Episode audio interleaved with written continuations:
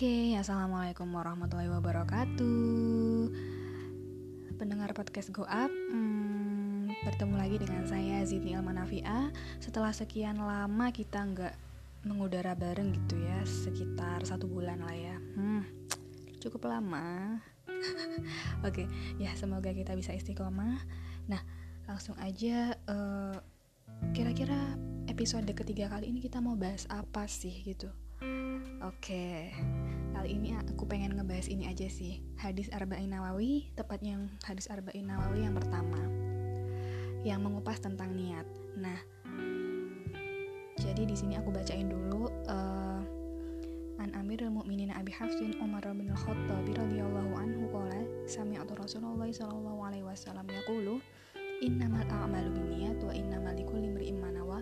Faman kanat hijratuhu ila Allah wa rasulih fa hijratuhu ila Allah wa rasulih wa man kanat hijratuhu lidunya yusibuha aw imra'atin yankihuha fa hijratuhu ila ma hajara ilaihi rawahul imam al muhadditsina Abu Abdullah Muhammadul bin Ismail bin Ibrahim bin Mughirah bin Bardisbah Al-Bukhari wa Abul Husaini Muslim bin Al-Hajjaj bin Muslim Al-Qushairi An-Naisaburi fi sahihaihima ladainihuma asahul kutubil musannafah Oke, jadi terjemahannya dari Amirul Mukminin Abu Hafsah Umar bin Khattab radhiyallahu anhu, dia berkata, "Aku mendengar Rasulullah Shallallahu alaihi wasallam bersabda, sesungguhnya amal itu hanyalah beserta niat, dan setiap manusia mendapatkan sesuai dengan apa yang diniatkannya." Barang siapa yang hijrahnya kepada Allah dan Rasulnya, maka hijrahnya itu adalah kepada Allah dan Rasulnya. Dan barang siapa yang hijrahnya itu karena dunia yang diinginkannya atau wanita yang ingin dinikahinya, maka hijrahnya itu kepada apa-apa yang dia niatkan atau apa-apa yang dia inginkan. Diriwayatkan oleh Imam Al-Muhadisin Abu Abdullah Muhammad bin Ismail bin Ibrahim bin Al-Mughirah bin Bardisbah Al-Bukhari dan Abu Husain Muslim bin Al-Ahjad bin Muslim Al-Kushairi An-Naisaburi dalam kitab Sahih mereka yang merupakan kitab hadis paling sahih. Oke, jadi di sini aku pengen sedikit mengupas dan kita bisa uh, berdiskusi lah ya. Ya meskipun uh, backgroundku dulu pernah jadi santri selama tiga tahun, apa salahnya ketika kita menyampaikan gitu kan. Ya meskipun sedikit yang bisa saya sampaikan semoga bermanfaat untuk kita semua lah ya terutama tentang membahas tentang niat gitu. Nah jadi di sini dijelasin bahwasanya segala kegiatan segala amal yang kita lakukan itu tergantung oleh niat. Jadi ketika niat kita itu adalah lillahi ta'ala dan karena Rasulullah gitu maka pahala yang didapatkan itu adalah serupa dengan apa yang kita niatkan. Lain halnya ketika kita meniatkan itu. Jika di sini dikatakan karena wanita yang ingin dinikahi, karena wanita yang ingin dinikahinya, maka tidak ada pahala atau bisa dibilang sia-sia.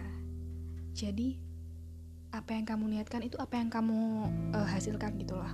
Jadi hadis ini itu merupakan komentar Nabi Shallallahu Alaihi Wasallam tentang seorang laki-laki yang berhijrah dari Mekah ke Madinah, bukan karena mencari keutamaan hijrahnya, tetapi karena mengincar seorang wanita yang ingin dinikahinya. Nah, berkata Imam Ibnul Dakik al-Aid, mereka meriwayatkan bahwa ada seorang laki-laki yang berhijrah dari Mekah menuju Madinah. Nah, dengan hijrahnya itu dia tidak menghendaki keutamaan hijrah, dia hanya menghendaki agar dapat menikahi seorang wanita yang bernama Ummu Qais. Jadi uh, ini disadur dari Imam Ibnu Daqiq Al-Aid Syarah Al-Arba'in Nawawiyah halaman 27 Maktabah Al-Mishiqah Imam Ibnu Hajar Fathul Bari Darul Fikr. Nah, sehingga di dalam sejarah laki-laki tersebut dikenal dengan sebutan Muhajir Ummu Qais. Walaupun sababul burut hadis ini atau sebab sebab uh, turunnya hadis ini karena laki-laki tersebut namun nilai dan hukum yang terkandung di dalamnya juga berlaku bagi manusia lain secara umum. Hal ini sesuai dengan kaidah al-ibroh. Jadi ini sebuah al-ibroh ya, sebenarnya ini sebuah pelajaran yang bisa uh, apa namanya penerus-penerus atau umat-umat setelahnya ini di, mengambil pelajaran dari kisah uh, seorang laki-laki yang hijrah ini sehingga uh, adanya, adanya apa namanya hadis ini itu berasal dari cerita itu. Jadi, bagaimana seorang laki-laki itu hijrah? Hijrah tidak lillahi ta'ala atau tidak dengan tulus ikhlas untuk berhijrah tapi karena niatan lain gitu. Niatnya itu tidak murni karena Allah tidak. Jadi niatnya ingin menikahi seorang wanita yang bernama Ummu Qais. Nah hal tersebut ya sia-sia gitu loh hijrahnya gitu. Dan perlu diketahui ya teman-teman hadis ini berisikan sesuatu yang amat penting atau fundamental di dalam tubuh umat Islam itu sendiri yaitu tentang niat dan ikhlas ya kan? Amalan sesuatu segala amal tuh harus ada niatan gitu loh. Dan ada niat di situ juga harus ada keikhlasan. Nah kita masih berbicara tentang niat. Jadi hadis ini masuk ke dalam 70 bab fikih utama ya. Hadis ini mencakup 70 bab tentang fikih jadi segolongan ulama mengatakan hadis ini merupakan sepertiganya Islam. Kayak gitu. Nah jadi kembali lagi niat secara bahasa kan berarti keinginan. Sedangkan niat secara istilah itu adalah bertedak. Artinya mengerjakan sesuatu ibadah ikhlas karena Allah letak niatnya di dalam hati kayak gitu kan jadi apa yang bisa aku kaitin dengan uh, keseharian kita gitu ini tuh nggak bisa disepelein kayak gitu ya. Nggak bisa disepelein. Nah berkata Imam Abdurrahman bin Al Mahdi radhiyallahu anhu hendaknya bagi setiap orang yang menyusun kitab agar mengawali kitabnya dengan hadis ini sebagai peringatan bagi penuntut ilmu untuk meluruskan niatnya kembali. Jadi saking fundamentalnya gitu ya uh, hadis tentang niat ini tuh harus ada di setiap kitab-kitab hadis gitu loh. Jadi sebagai pembuka agar ini bisa menjadi reminder bagi murid-murid uh, atau penuntut ilmu itu agar bisa meng memperbaiki kembali niatan awalnya. Untuk apa dia belajar, untuk apa dia beramal, untuk apa dia melakukan kegiatan ini? Untuk apa? Gitu. Jadi perlu diluruskan kembali niat itu. Sama halnya seperti kita gitu ya. Mahasiswa, apa yang kita niatkan gitu. Menuntut ilmu iya oke. Okay. menuntut ilmu. Nah lillahi ta'ala atau karena apa nih? Apa pengen dapet kerjaan? Apa pengen cari jodoh? Ya kan gak ada yang tahu ya karena niat itu ada di dalam hati kayak gitu loh. Jadi harus ditata bener-bener karena apa yang nanti Allah kasih itu sesuai dengan niat awal kayak gitu jadi, ini adalah dikatakan ya oleh para ulama itu sebagai parameter untuk membedakan atau istilahnya tamis ya status hukum amal seseorang antara adat dan dan ibadah gitu dan antara ibadah yang satu dengan ibadah yang lain. Jadi misalnya seperti ini, makan minum sebagai adat. Makan minum tersebut itu segedar demi memenuhi kebutuhan perut atau dinilai ibadah karena demi menjaga kekuatan untuk ibadah dan ketaatan kepadanya. Jadi itu kan ada pembeda gitu loh. Niat itu ada pembeda atau tamis itu tadi. Misalnya puasa pada hari Senin apakah ia puasa Senin Kamis Syawal atau puasa yang lainnya? Ini juga dilihat dari niat awal. Jadi hadis ini telah melahirkan sebuah kaidah fikih yang sangat terkenal dan Imam Asyuyuti telah memasukkannya dalam kaidah pertama dalam kitab Al-Ashbah wan Nazahir yakni Al-Umur bima qasidiha. Jadi artinya itu urusan atau perkara tergantung maksud-maksudnya. Ya sama seperti hadis arba'in nawa yang pertama tadi bahwa innamal a'malu binniyat. Jadi segala urusan, segala aktivitas, segala amalan itu dilihat dari niat awal atau maksud dia melakukan itu kayak gitu. Jadi hadis ini juga menegaskan betapa pentingnya ikhlas dunia. Sebab keikhlasan itu merupakan syarat diterimanya amal soleh. Sebagaimana telah diketahui bahkan amal yang tidak dilaksanakan dengan hati yang ikhlas baik karena ingin dipuji ingin tenar, ingin harta atau dan semisalnya itu akan membuat pelakunya celaka. Atau itu istilahnya sia-sia lah ya. Kalau kita tuh niatnya cuma untuk hal-hal duniawi lah ingin dipuji, ketenaran itu sia-sia gitu. Jadi kenapa kita mengejar hal-hal yang sia-sia gitu selama Allah menjanjikan pahala utama ketika kita bisa berikhlas dalam niat kita gitu. Nah Di dalam surat Hud ayat 15 sampai 16 juga disebutkan barang siapa yang menghendaki, menghendaki kehidupan dunia dan perhiasannya niscaya berikan kepada mereka balasan pekerjaan mereka di dunia dengan sempurna dan mereka di dunia itu tidak akan dirugikan. Itulah orang-orang yang tidak memperoleh di akhirat, kecuali neraka dan lenyaplah di akhirat itu apa yang telah mereka usahakan di dunia dan sia-sialah dan sia-sialah apa yang telah mereka kerjakan. Jadi, sebagai penjelas tentang pentingnya niat. Jadi uh, ada hadis juga tentang jadi di, dari riwayat, hadis riwayat Ibnu Majah dan Al Baihaqi. Jadi ini hadis sahih gitu ya. Barang siapa yang mendatangi tempat tidurnya dan dia berniat bangun untuk melaksanakan sholat di malam hari, lalu dia tertidur sampai subuh, maka akan dituliskannya bagi dituliskan baginya pahala. Apa yang telah dia niatkan gitu loh. Dan tidurnya itu merupakan sedekah untuknya dari robnya. Jadi masya allah sekali ya. Islam sangat istimewa. Islam sangat way of life gitu loh. Niat sesimpel itu tapi impactnya benar-benar luar biasa bagi uh, umat muslim gitu. Dijelaskan di hadis ini bahwa barang siapa yang mendatangi tempat tidurnya dan dia berniat bangun untuk sholat malam dia niat bangun tahajud gitu ya. Tapi dia itu tertidur sampai subuh gitu. Nggak bangun untuk nggak bangun tahajudnya tapi kebablas gitu loh istilahnya kebablas sampai subuh. Maka akan dituliskan baginya pahala apa yang telah dia niatkan dan tidurnya itu merupakan sedekah gitu loh. Jadi jangan sepelekan niat sekalipun meskipun kamu itu masih ada uh, ketidakmampuan gitu. Tapi just believe gitu just believe aja kalau diniatin kayak gitu niat niat niat niat terus gitu kan pasti ini akan dihitung pahala oleh Allah gitu.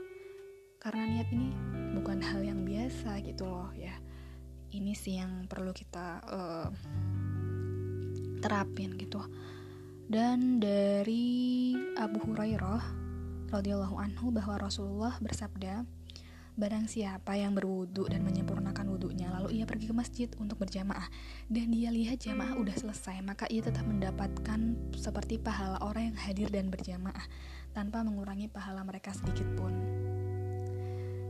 Hadis riwayat An-Nasai nomor 855, Abu Daud nomor 564, Ahmad nomor 8590, Al-Hakim nomor 754 dan disahihkan oleh Syekh Al-Albani dalam Sahihul Jami nomor 6163 jadi uh, barang siapa yang menyempurnakan wudhu lalu ia pergi ke masjid tapi dia udah lihat jam itu udah selesai maka ia tetap mendapatkan pahala seperti apa yang dia niatkan di awal untuk berjamaah gitu loh nah sedangkan tentang pentingnya keikhlasan gitu kan ikhlas itu nggak lepas beneran beneran bener nggak bisa lepas dari niat gitu. Karena niat dan ikhlas tuh bisa uh, berkesinambungan dan benar-benar harus jadi satu. Bisa dikatakan dia itu mendapatkan pahala jadi nggak nggak akan sia-sia gitu amalannya nah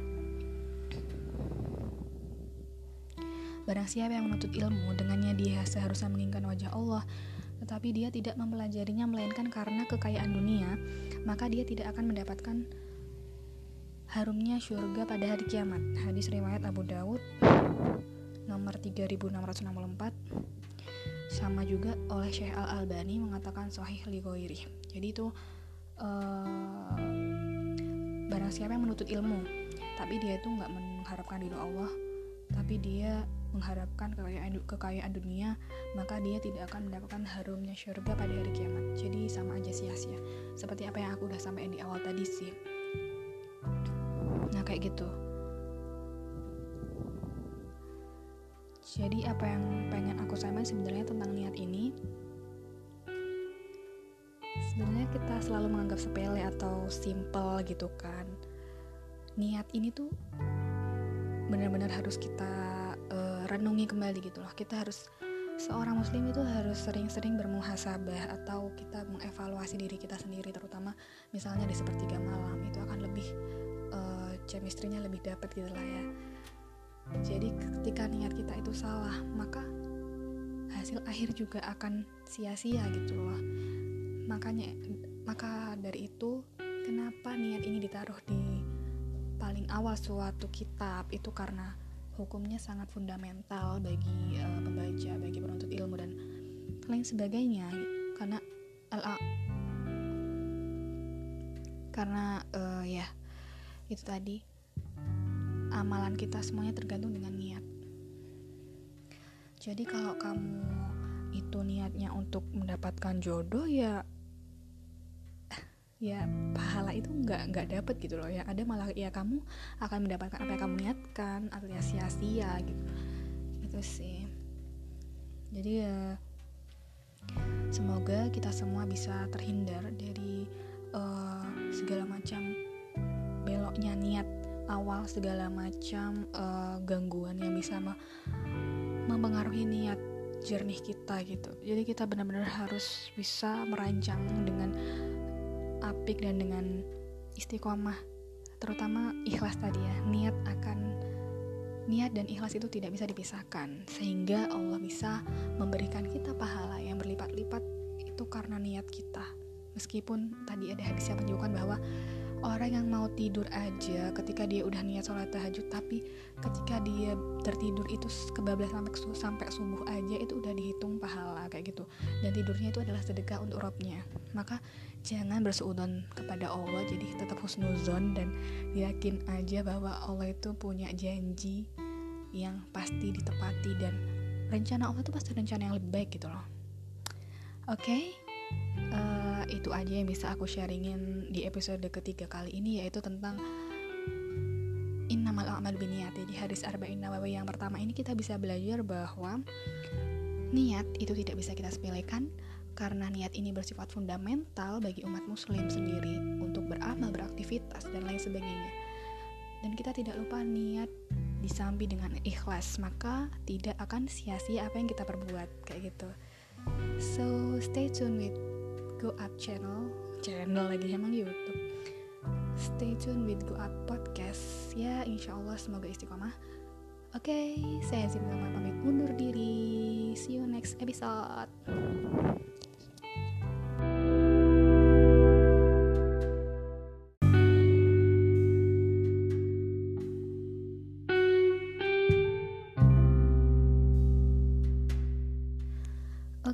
assalamualaikum warahmatullahi wabarakatuh. Pendengar podcast Go Up, hmm, bertemu lagi dengan saya Zidni Ilmanafia. Setelah sekian lama kita nggak mengudara bareng gitu ya, sekitar satu bulan lah ya. Hmm, cukup lama. Oke, okay, ya semoga kita bisa istiqomah. Nah, langsung aja. Uh, kira-kira episode ketiga kali ini kita mau bahas apa sih gitu? Oke, kali ini aku pengen ngebahas ini aja sih. Hadis Arba'in Nawawi, tepatnya yang hadis Arba'in Nawawi yang pertama. Yang mengupas tentang niat. Nah, jadi di sini aku bacain dulu uh, An Amirul Mukminin Abi Hafsin Umar bin Al-Khattab radhiyallahu anhu qala sami'tu Rasulullah sallallahu alaihi wasallam yaqulu innamal a'malu binniyat wa innamal likulli imri'in ma nawa.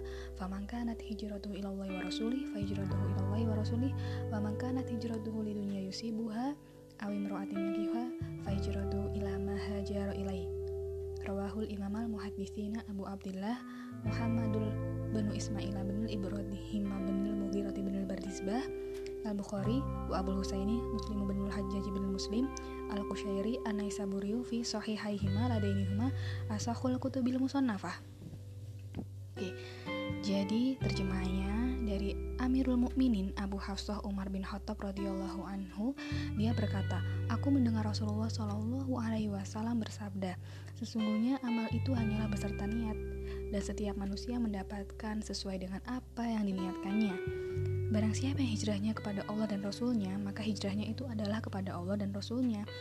Dan barang siapa yang hijrahnya itu karena dunia yang diinginkannya atau wanita yang ingin dinikahinya, maka hijrahnya itu kepada apa-apa yang dia niatkan atau apa-apa yang dia inginkan.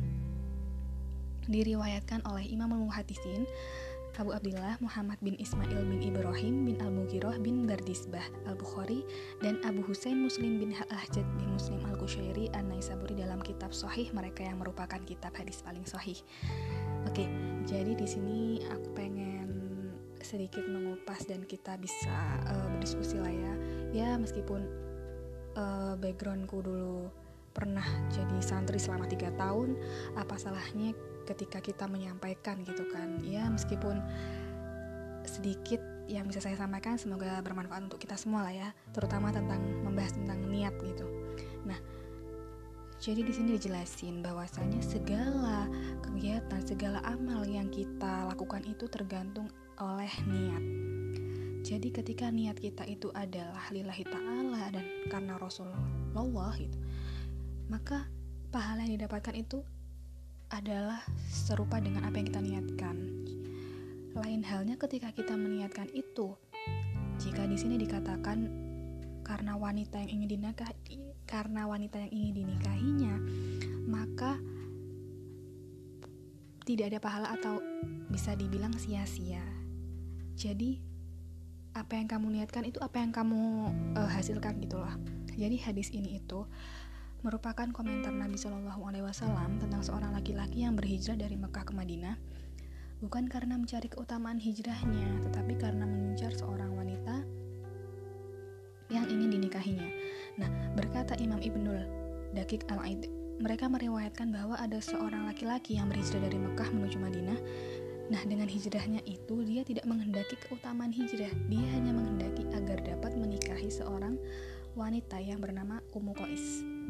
Jadi uh, ini disadur dari Imam Ibnu Dakik Al-Aid Syarah Al-Arba'in Nawawiyah halaman 27 Maktabah Al-Mishiqah Imam Ibnu Hajar Fathul Bari Darul Fikr. Nah, sehingga di dalam sejarah laki-laki tersebut dikenal dengan sebutan Muhajir Ummu Qais. Walaupun sababul burut hadis ini atau sebab sebab uh, turunnya hadis ini karena laki-laki tersebut, namun nilai dan hukum yang terkandung di dalamnya juga berlaku bagi manusia lain secara umum. Hal ini sesuai dengan kaidah al-ibroh. Jadi ini sebuah al-ibroh ya, sebenarnya ini sebuah pelajaran yang bisa uh, apa namanya penerus-penerus atau umat-umat setelahnya ini di, mengambil pelajaran dari kisah uh, seorang laki-laki yang hijrah ini sehingga uh, adanya, adanya apa namanya hadis ini itu berasal dari cerita itu. Jadi, bagaimana seorang laki-laki itu hijrah? Hijrah tidak lillahi ta'ala atau tidak dengan tulus ikhlas untuk berhijrah, tapi karena niatan lain gitu. Niatnya itu tidak murni karena Allah tidak. Jadi niatnya ingin menikahi seorang wanita yang bernama Ummu Qais. Nah, hal tersebut ya sia-sia gitu loh hijrahnya gitu. Dan perlu diketahui ya teman-teman Hadis ini berisikan sesuatu yang amat penting atau fundamental di dalam tubuh umat Islam itu sendiri, yaitu tentang niat dan ikhlas ya kan. Amalan sesuatu segala amal tuh harus ada niatan gitu loh. Dan ada niat di situ juga harus ada keikhlasan. Nah, kita masih berbicara tentang niat. Jadi hadis ini masuk ke dalam 70 bab fikih utama ya. Hadis ini mencakup 70 bab tentang fikih jadi segolongan ulama mengatakan hadis ini merupakan sepertiganya Islam. Kayak gitu. Nah, jadi kembali lagi niat secara bahasa kan berarti keinginan. Sedangkan niat secara istilah itu adalah bertedak, artinya mengerjakan sesuatu ibadah ikhlas karena Allah, letak niatnya di dalam hati kayak gitu kan. Jadi apa yang bisa aku kaitin dengan uh, keseharian kita gitu? Ini tuh nggak bisa disepelein kayak gitu ya. Nggak bisa disepelein.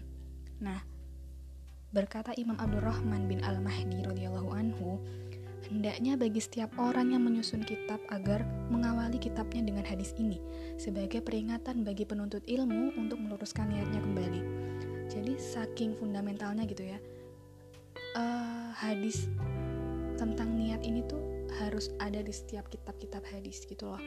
Jadi sebagai pembuka agar ini bisa menjadi reminder bagi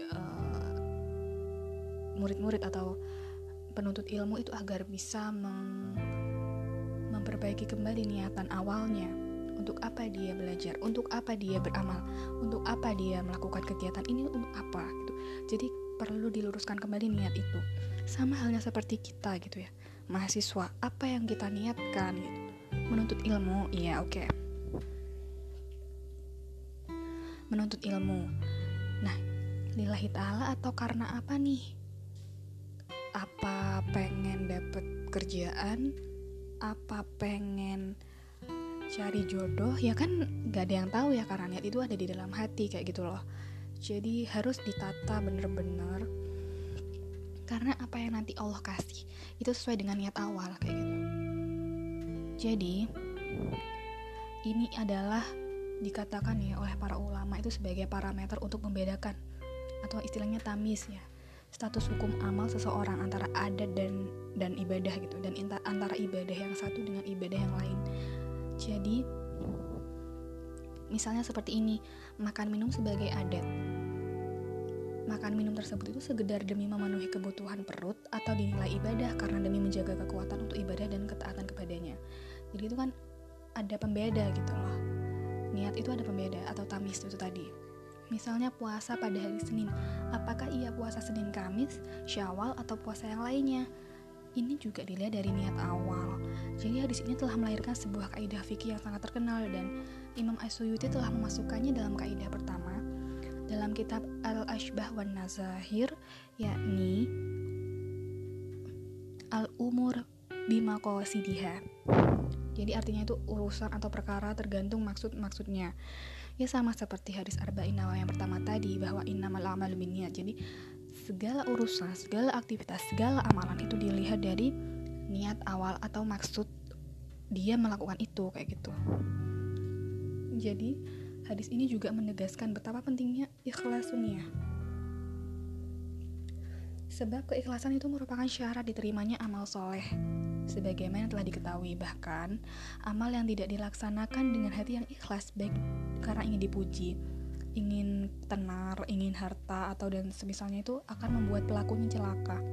Atau itu istilahnya sia-sia lah ya. Kalau kita tuh niatnya cuma untuk hal-hal duniawi lah ingin dipuji, ketenaran itu sia-sia gitu. Jadi kenapa kita mengejar hal-hal yang sia-sia gitu loh. Selama Allah menjanjikan pahala utama ketika kita bisa berikhlas dalam niat kita gitu. Nah di dalam surat Hud ayat 15 sampai 16 juga disebutkan barang siapa yang menghendaki menghendaki kehidupan dunia dan perhiasannya disediakan berikan kepada mereka balasan pekerjaan mereka di dunia dengan sempurna dan mereka di dunia itu tidak akan dirugikan. Itulah orang-orang yang tidak memperoleh di akhirat kecuali neraka dan lenyaplah di akhirat itu apa yang telah mereka usahakan di dunia dan sia-sialah dan sia-sialah apa yang telah mereka kerjakan. Jadi, sebagai penjelas tentang pentingnya niat. Jadi uh, ada hadis juga tentang jadi di, dari hadis riwayat Ibnu Majah dan Al Baihaqi. Jadi ini hadis sahih gitu ya Barang siapa yang mendatangi tempat tidurnya dan dia berniat bangun untuk melaksanakan sholat di malam hari, lalu dia tertidur sampai subuh, maka akan dituliskannya bagi dituliskan baginya pahala apa yang telah dia niatkan gitu loh. Dan tidurnya itu merupakan sedekah untuknya dari robnya. Jadi masya Allah sekali ya.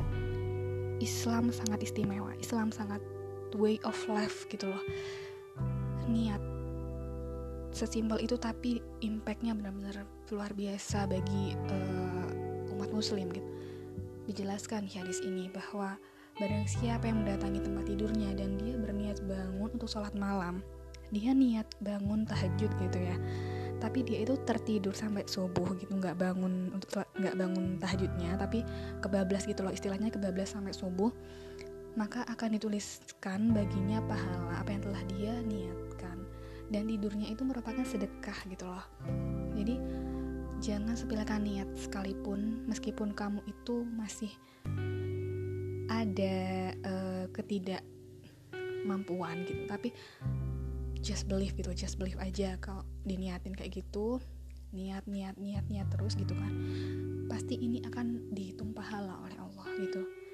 Karena niat ini bukan hal yang biasa gitu loh ya ini sih yang perlu kita uh, terapin gitu dan dari Abu Hurairah radhiyallahu anhu bahwa Rasulullah bersabda Barang siapa yang berwudu dan menyempurnakan wudhunya lalu ia pergi ke masjid untuk berjamaah dan dia lihat jamaah udah selesai maka ia tetap mendapatkan seperti pahala orang yang hadir dan berjamaah tanpa mengurangi pahala mereka sedikit pun. Hadis riwayat An-Nasai nomor 855, Abu Daud. Nomor 564, Ahmad. Nomor 8590, Al-Hakim. Nomor 754 dan disahihkan oleh Syekh Al-Albani dalam Sahihul Jami. Nomor 6163. Jadi uh, barang siapa yang menyempurnakan wudhu lalu ia pergi ke masjid tapi dia udah lihat jam itu udah selesai maka ia tetap mendapatkan pahala seperti apa yang dia niatkan di awal untuk berjamaah gitu loh. Nah sedangkan tentang pentingnya keikhlasan gitu kan. Ikhlas itu nggak lepas beneran beneran bener nggak bisa lepas dari niat gitu. Karena niat dan ikhlas tuh bisa uh, berkesinambungan dan benar-benar harus jadi satu. Bisa dikatakan dia itu mendapatkan pahala jadi nggak nggak akan sia-sia gitu amalannya nah barang siapa yang menuntut ilmu dengannya dia seharusnya menginginkan wajah Allah tetapi dia tidak mempelajarinya melainkan karena kekayaan dunia maka dia tidak akan mendapatkan harumnya surga pada hari kiamat. Hadis riwayat Abu Dawud nomor 3664 sama juga oleh Syekh Al Albani mengatakan sahih li jadi itu uh, barang siapa yang menuntut ilmu tapi dia itu nggak mengharapkan ridho Allah tapi dia mengharapkan kekayaan kekayaan dunia maka dia tidak akan mendapatkan harumnya surga pada hari kiamat. Jadi sama aja sia-sia. Seperti apa yang aku udah sampaikan di awal tadi sih kayak gitu Jadi apa yang pengen aku sampaikan sebenarnya tentang niat ini sebenarnya kita selalu menganggap sepele atau simple gitu kan. Niat ini tuh benar-benar harus kita uh, renungi kembali gitu loh. Kita harus seorang muslim itu harus sering-sering bermuhasabah atau kita mengevaluasi diri kita sendiri terutama misalnya di sepertiga malam itu akan lebih uh, chemistry-nya lebih dapat gitu lah ya. Jadi ketika niat kita itu salah, maka hasil akhir juga akan sia-sia gitu loh. Makanya maka dari itu kenapa niat ini ditaruh di paling awal suatu kitab? Itu karena hukumnya sangat fundamental bagi uh, pembaca, bagi penuntut ilmu dan lain sebagainya. Karena al karena uh, ya itu tadi. Amalan kita semuanya tergantung dengan niat. Jadi kalau kamu itu niatnya untuk mendapatkan jodoh ya ya pahala itu nggak nggak dapet gitu loh ya. Ada malah ya kamu akan mendapatkan apa yang kamu niatkan atau sia-sia gitu. Itu sih. Jadi ya semoga kita semua bisa terhindar dari uh, segala macam beloknya niat awal segala macam uh, gangguan yang bisa mempengaruhi niat jernih kita gitu. Jadi kita benar-benar harus bisa merancang dengan apik dan dengan istiqomah, terutama ikhlas tadi ya. Niat akan niat dan ikhlas itu tidak bisa dipisahkan sehingga Allah bisa memberikan kita pahala yang berlipat-lipat itu karena niat kita. Meskipun tadi ada hadis yang menunjukkan bahwa orang yang mau tidur aja ketika dia udah niat sholat tahajud tapi ketika dia tertidur itu kebablasan sampai sampai subuh aja itu udah dihitung pahala kayak gitu. Dan tidurnya itu adalah sedekah untuk robnya. Maka jangan berseudon kepada Allah jadi tetap husnuzon dan yakin aja bahwa Allah itu punya janji yang pasti ditepati dan rencana Allah itu pasti rencana yang lebih baik gitu loh. Oke? Okay? uh, itu aja yang bisa aku sharingin di episode ketiga kali ini yaitu tentang innamal a'mal biniyat di hadis arba'in nawawi yang pertama ini kita bisa belajar bahwa niat itu tidak bisa kita sepelekan karena niat ini bersifat fundamental bagi umat muslim sendiri untuk beramal, beraktivitas dan lain sebagainya. Dan kita tidak lupa niat disambi dengan ikhlas, maka tidak akan sia-sia apa yang kita perbuat kayak gitu. So stay tuned with Go Up channel, channel lagi emang YouTube. Stay tuned with Go Up Podcast. Ya, insya Allah semoga istiqomah. Oke, okay, saya Zim pamit undur diri. See you next episode.